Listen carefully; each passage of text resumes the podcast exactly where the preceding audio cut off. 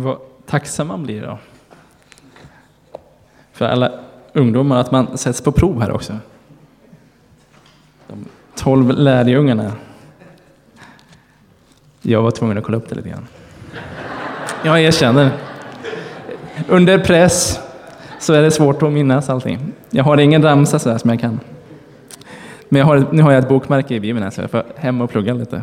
Det är bra att det temat är förlåtelse. Idag. Men eh, fint. Fint också att vi har fått de här berättelserna dramatiserade framför oss idag, när temat är förlåtelse.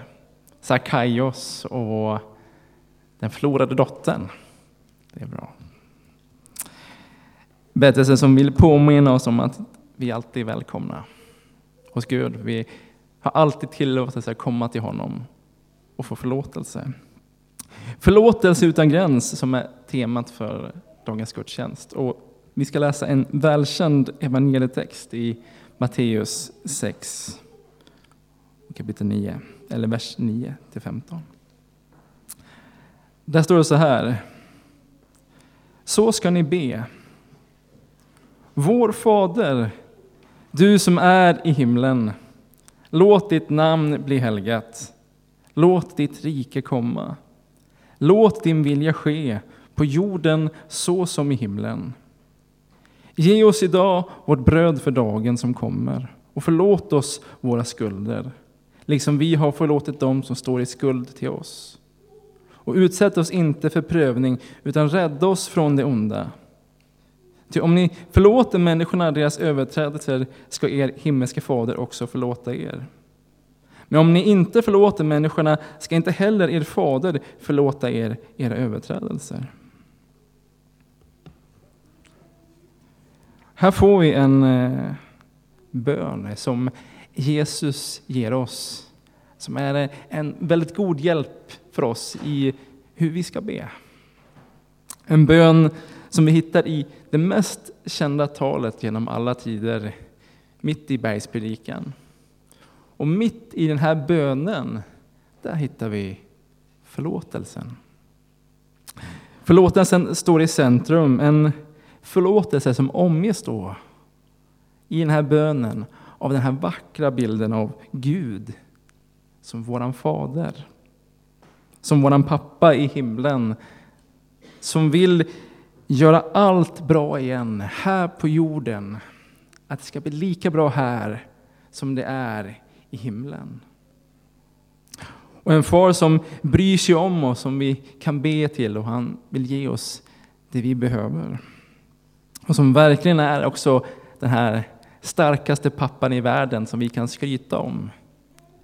Som säger att han finns där och kan skydda oss och rädda oss från allt och alla.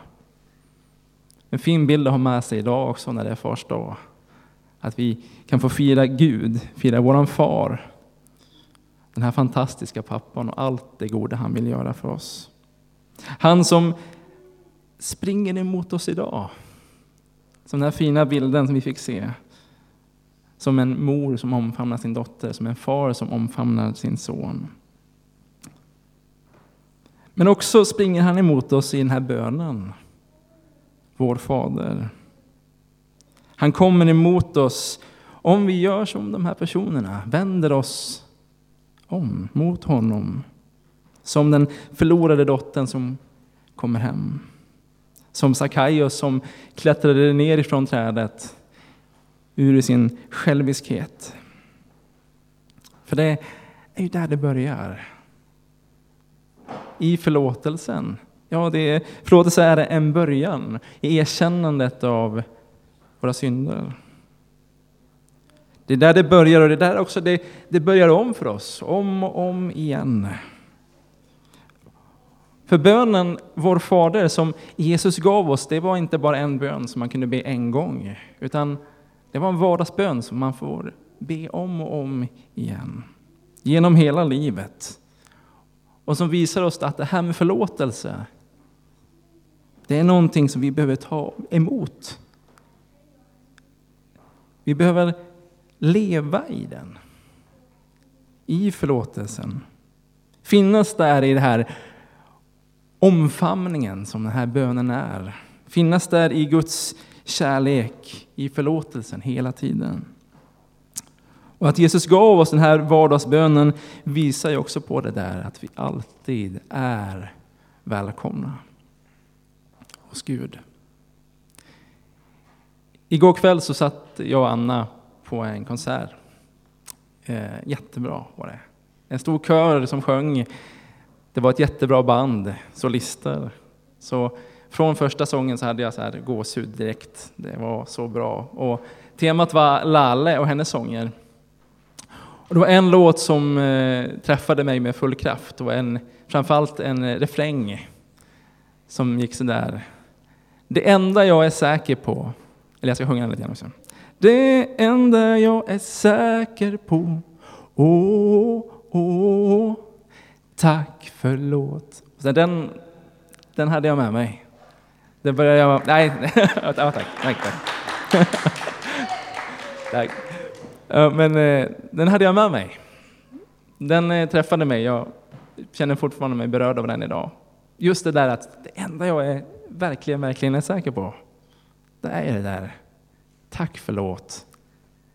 Vi får ta emot förlåtelse om och om igen. Vi är alltid välkomna. Gud vill oss hela tiden. Han är en fantastisk far som älskar oss. Ska vi be den här bönen tillsammans? Jag tänkte vi kunde stå upp. Och så går vi in i det här famntaget som det här är. När vi ber tillsammans. Famntaget över oss och över hela vår värld. Vi ber. Vår Fader, du som är i himlen. Låt ditt namn bli helgat. Låt ditt rike komma.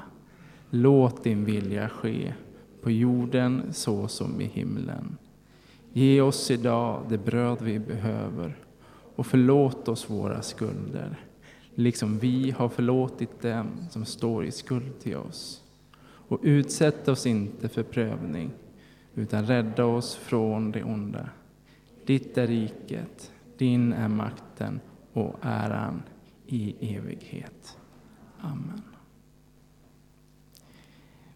Vi ska fortsätta och, be tillsammans. Ungdomarna kommer att leda oss i några sånger. Det finns möjlighet om man vill gå fram och tända ljus som hjälp i sin bön. Det finns stenar man kan lägga vid korset om det är någonting som man känner att här vill jag lämna ifrån mig. Det här vill jag att du tar Gud. Man kan också få skriva av sig lite grann, lägga en bön i lådan. Så vi går in i den här stunden tillsammans.